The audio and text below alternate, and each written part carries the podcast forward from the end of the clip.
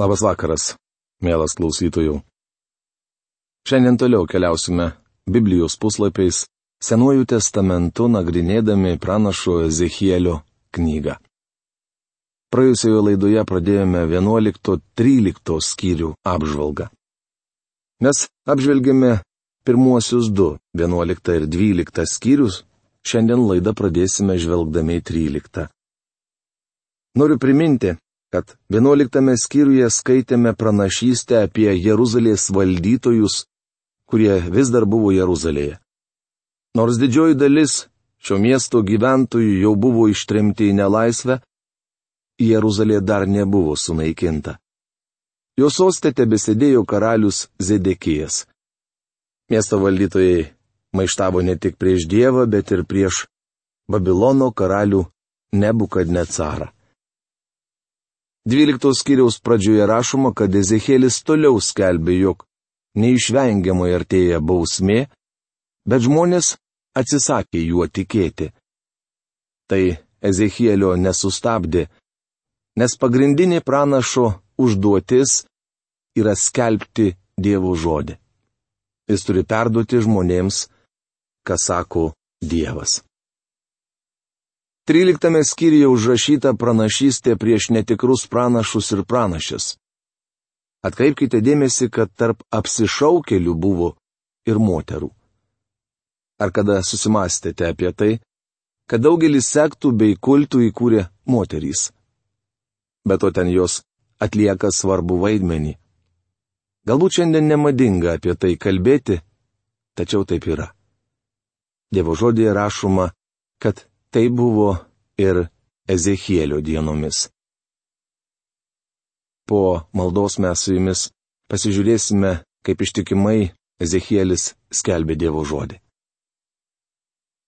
Dangiškasis tėve, mes dėkojame tau už dar vieną dieną, kurią leidai mums gyventi po saulę.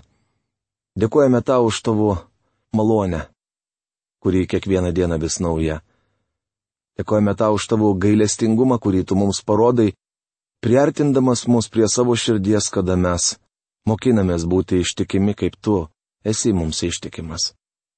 Ačiū tau, tėve, kad mes galime žvelgti į Senojo testamento pranašus ir mokintis iš jų bei tautos, tavo išrinktosios tautos išgyvenimų. Prašome, kad ir šį vakarą palaimintų mus ir padėtum suprasti tavo žodį, tavo dvasios pagalba. Įtikindamas kiekvieną, kuris dar šiandieną priešinasi, tau, kuris nenori pripažinti, jog yra kaltas prieš tave.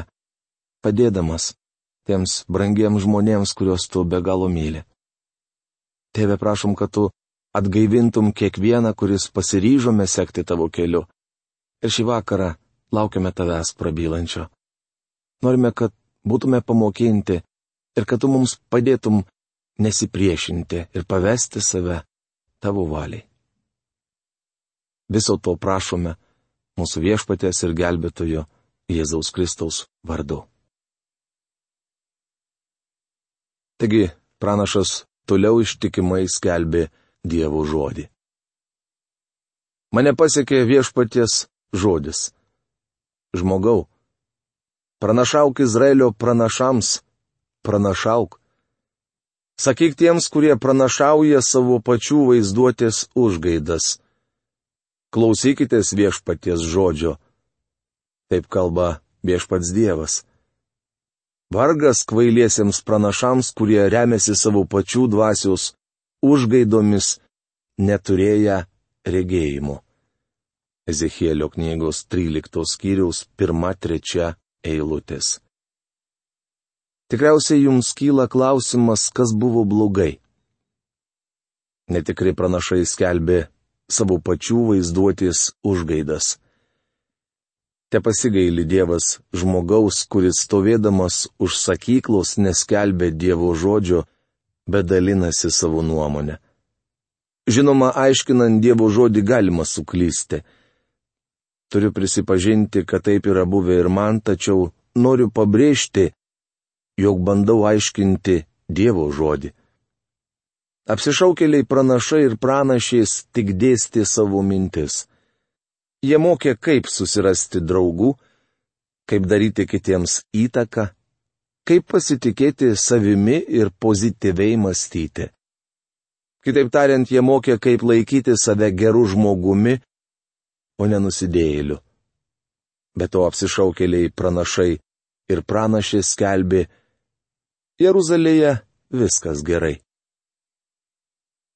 Žmogau, atsuk veidą ir į savo tautos dukteris pranašaujančią savo vaizduotės norus, pranašauk joms ir sakyk, taip kalba viešpats Dievas.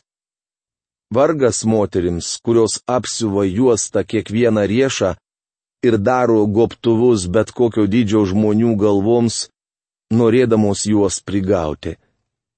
Nejau jūs, mano tauto žmonės prigaudamos, save gyvas išlaikote. Ezekėlio knygos 13 skyriaus 17-18 eilutės. Ezekėlis turėjo kalbėti netikroms pranašėms, atsuk veidą ir į savo tautos dukteris, pranašauk joms ir sakyk. Profesorius Algirdas Jurienas frazę, norėdamos juos prigauti, verčia taip. Kas pasigautų asmenys. Pradžios knygos dešimtos skyriaus aštuntoje ir devintoje eilutėse minimas Nimrodas. Kaip verčia profesorius Algirdas Jurienas, jis buvo smarkus medžiotojas viešpaties akivaizdoje. Iš tikrųjų šis vyras medžiojo žmonių sielas. Ta pati daro ir sektus. Jos medžioja žmonių sielas. Šią nuodėmę praktikavo ir moterys. Antro Petro laiško antros skyriaus pirmoje eilutėje sakoma buvo tautoje, tai yra Izraelyje ir netikrų pranašų, kaip ir tarp jūsų bus netikrų mokytojų, kurie slapta įves pražutingų klaidamokslių, išsigindami net juos išpirkusio valdovo ir užsitrauks greitą žlugimą. Šiandien daugybė moterų yra pasinėrusios į spiritizmą. Tai raganus, ateities spėjikis, nekromantės, ekstrasensės, astrologės, pranašės, užkeikėjos, būrėjos ir kitokios tarpininkės tarp žmonių ir dvasių. Vargas moterims, kurios apsiuva juostą kiekvieną riešą. Jos dalino amuletus. Ryždavo žmonėms ant rankos kažkokius niekelius, kurie turėdavo apsaugoti juos nuo lygų ir pavojų ir daro goptuvus bet kokio dydžio žmonių galvoms, norėdamos juos prigauti. Jos duodavo užkeiktus goptuvus, kurie padėdavo žmogui pasveikti. Tarsi tai būtų turėję didesnę galę negu viešpaties. Bičiuli, tai kas vyksta šiandien, nėra nauja. Šios nuodėmės senos kaip pasaulis. Ezekėlis merkė jas ir tai buvo ne jo o viešpaties žodis. Ezekėlio knygos 14-16 skyriai. Ezekėlio knygos 14 skyrių sudaro dvi pagrindinės dalys. Pranašystė prieš seniūnų stabmeldystę ir žinia patvirtinanti, kad Jeruzalė tikrai bus sunaikinta. Abi šios dalys prasideda sakiniu Mane pasiekė viešpaties žodis tai antra ir dvylikta eilutės. Šiame skyriuje viešpats per pranašą aiškina, kodėl taip griežtai baudė Jeruzalės miestą. Mielas bičiuli, tie patys principai galioja ir šiandien. Tai reiškia, kad Dievas vis dar baudžia tautas. Pranašystė prieš seniūnų stabmeldystę. Šiame skyriuje užrašyti žodžiai, kuriais Ezekėlis Izraelio seniūnus kvietė atgailauti. Pastebėjau, kad tiek Senajame, tiek Naujajame testamente Dievas savuosius, tai yra tuos, kurie sakosi priklausa jam, ragina atsiversti. Skaitydami šį skyrių pamatysime, kad Ezekėlis sakė, atsiverskite ir greškitės į Dievą. Keletas vyrų iš Izraelio seniūnų atėjo pas mane ir atsisėdo priešais. Ezechielio knygos 14 skyriaus pirmą eilutę. Dėdamiesi esą be galo pamaldų seniūnai atėjo pas Ezechielį. Jie vaizdavo, kad nori pasiklausyti pranašo žinios. Tai tas pats, kas vaikščioti į bažnyčią su didelė Biblija po pažastimi, norint parodyti kitiems savo pasišventimą viešpačiui. Ir mane pasiekė viešpaties žodis. Žmogau, šie vyrai puoselėjo stabus širdyje ir savo nuodėmės priežastį statėsi tiesiog savo prieš akis. Argi aš privalau atsakyti jų klausimus? Ezechielio knygos 14 skyriaus 2-3 eilutės. Savo elgesių seniūnai tarsi sakė, broli Ezechielį, mes negarbiname stabų. Tiesa, jie nebuvo pasidirbę stabų, tačiau viešpats pastebėjo, šie vyrai puoselėja stabus širdyse. Samsonas taip pat dėjusi esas Dievo vyras ir kartais ant jo iš tiesų nužengdavo Dievo dvasia. Jo galybės paslaptis buvo neilgi plaukai, bet šventoji dvasia. Tačiau vieną dieną jis pakirdo iš miego nežinodamas, kad Dievo dvasia buvo nuo jo pasitraukusi. Samsonas žaidė su nuodėme ir tuo pat metu norėjo būti Dievo vyru. Kiek žmonių šiandien žaidžia su nuodėme ir mano, kad išvengs Dievo bausmės. Bičiuliai, jie neišvengs bausmės, nes ji neišvengiama. Galbūt jie atlieka tam tikrus religinius ritualus, dėvi gražią kaukę, tačiau širdise puoselėje stabus. Viešpats pranešė Ezechieliui, kad šie vyrai yra apsimetėliai. Jie dėjusi nori išklausyti pranašo žinę, tačiau jos negirdėjo tautos seniūnai buvo pasiruošę suvaryti Ezechieliui į nugarą peilį ir laukė akimirkos, kai jis nusigręš. Todėl kalbėk jiems ir sakyk. Taip kalba viešpats Dievas.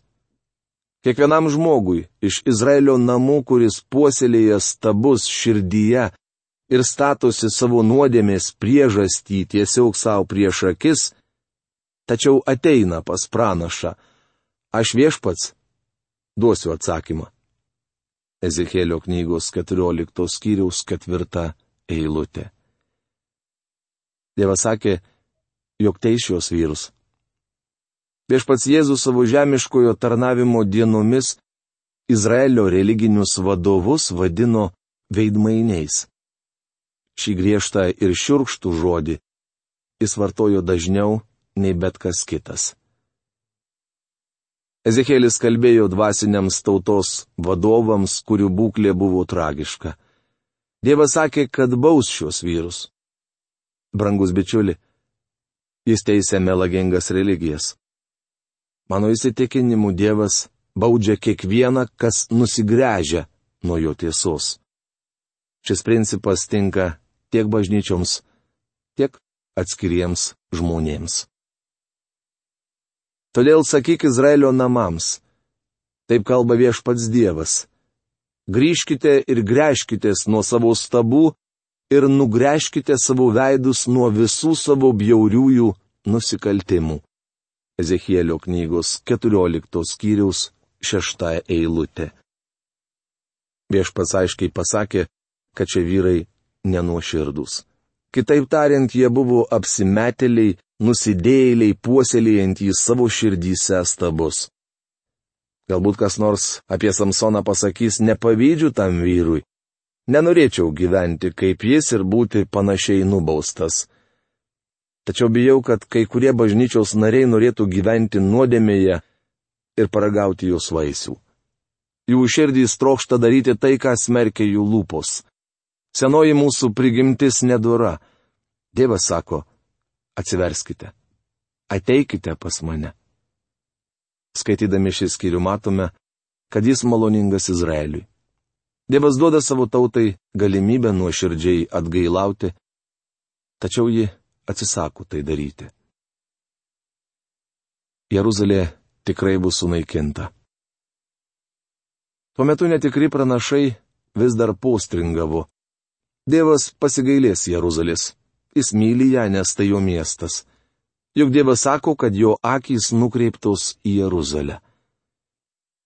Netikri pranašai galėjo pacituoti daugybę šventojo rašto ištraukų, patvirtinančių jų prielaidą. Kai kas taip daro ir šiandien, norėdami pagrysti klaidingą mokslą, cituoja iš konteksto išplėštas Biblijos eilutes. Tačiau mes negalime mėtytis mums parankiomis eilutėmis, bet turime žvelgti į visą šventojo rašto kontekstą. Tokiu būdu klaidingų teorijų nepagrysite. Netikri pranašai melavo. Dievas per Ezekėlį labai aiškiai sakė, kad Jeruzalė ištiks jo bausmė mane pasiekė viešpatie žodis. Žmogau, kai kuris nors kraštas nusideda man neištikimybę, aš pakeliu ranką prieš jį, sulaužau jo duonos ramstį ir siunčiu jam badą, išnaikindamas jo žmonės ir gyvulius. Ezechielio knygos 14 skyriaus 12-13 eilutės. Dievas sako Ezechieliui, to miesto gyventojai nuolat maištauja prieš mane Aš daviau jiems progą sugrįžti pas mane, tačiau jie atsisakė tai padaryti. Dievo žinia yra aiški ir konkreti. Jis sako, kad teismas neišvengiamas. Paklausykite, kokie griežti jo žodžiai.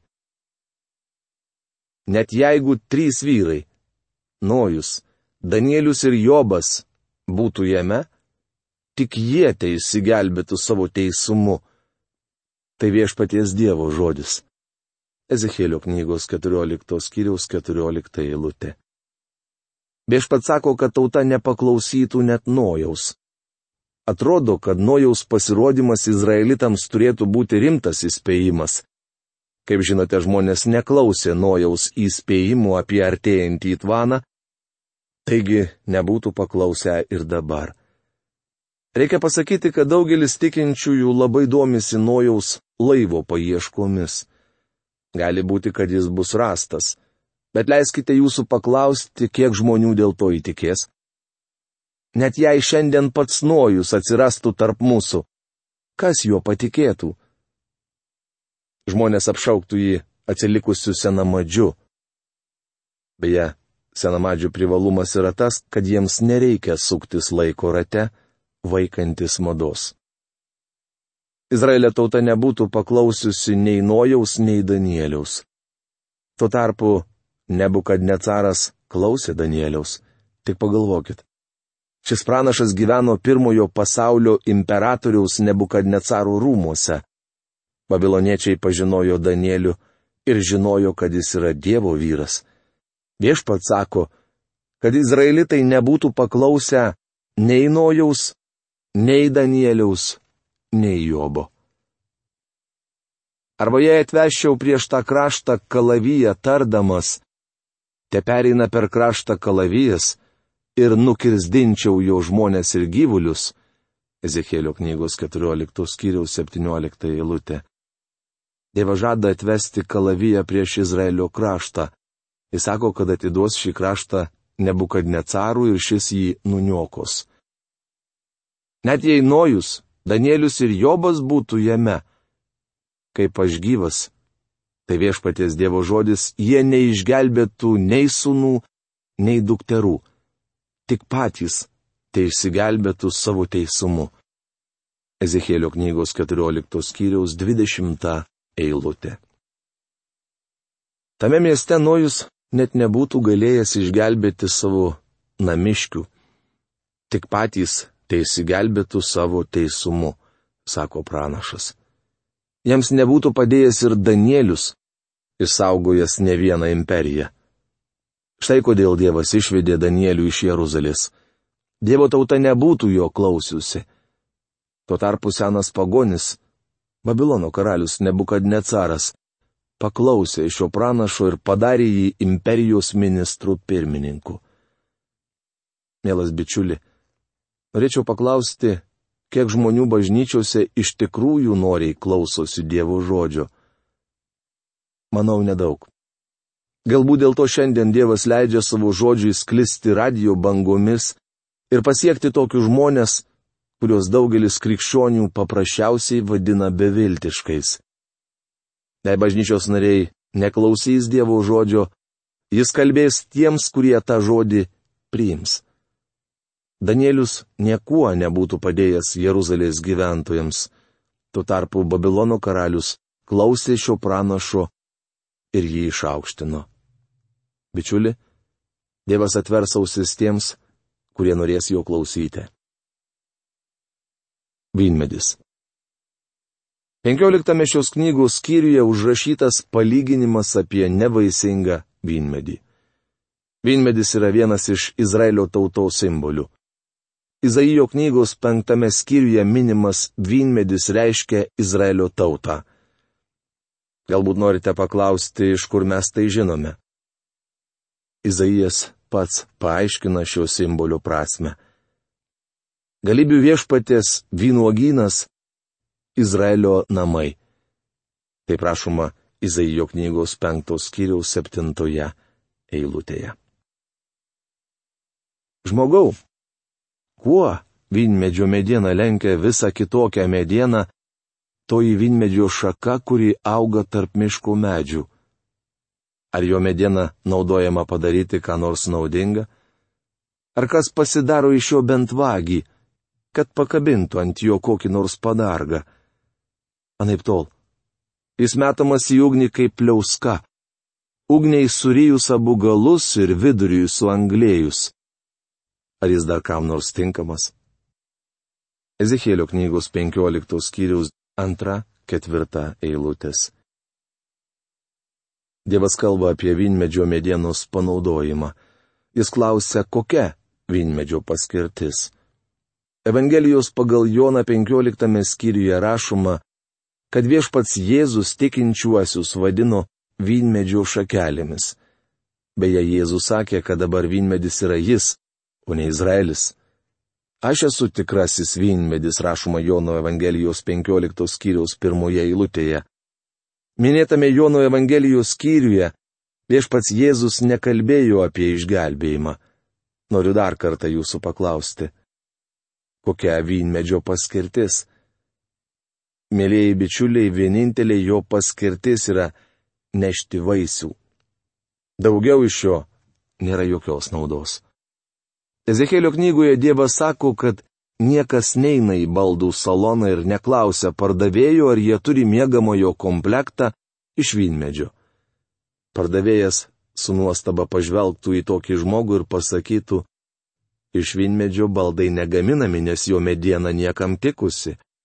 Vynmedis vertingas tik dėl savo vaisių. Dievas sako, kad nevaisingas vynmedis naudingas tik malkoms. Evangelijoje pagal Joną užrašyti viešpatės Jėzaus žodžiai, jog vaisių neduodantis tikintysis pašalinamas iš tos vietos, kur jis gali nešti vaisių, tačiau išgelbėjimo nepraranda. Neduodančius vaisių žmonės Dievas įvairiais būdais patraukia į šalį. Viešpats Jėzus pabrėžė, to bus pašlovintas mano tėvas, kad jūs duosite gausių vaisių. Tai prašoma Jono Evangelijos 15 skyriaus 8 eilutėje. Izraelio tauta nedavė vaisių, todėl Dievas sakė, man belieka sudeginti Jeruzalę. Štai kodėl jis taip padarė. Šio miesto gyventojai turėjo atstovauti Dievui, o jie atsuko jam nugarą. Jei esate privilegijuotas krikščionis, jums duota didelė atsakomybė. Ar kada susimastėte apie vargšus kinus ar afrikiečius, kurie niekada neturėjo progos išgirsti Dievo žodžio?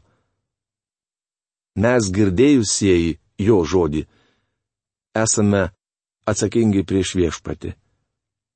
Dievas nori, kad neštume vaisių. Su palinkėjimu kiekvienam ištirti savo širdį ir pamatyti save tokį, kokį Dievas jį mato. Noriu užbaigti šios dienos laidą. Iki kito greito susitikimo. Sudie.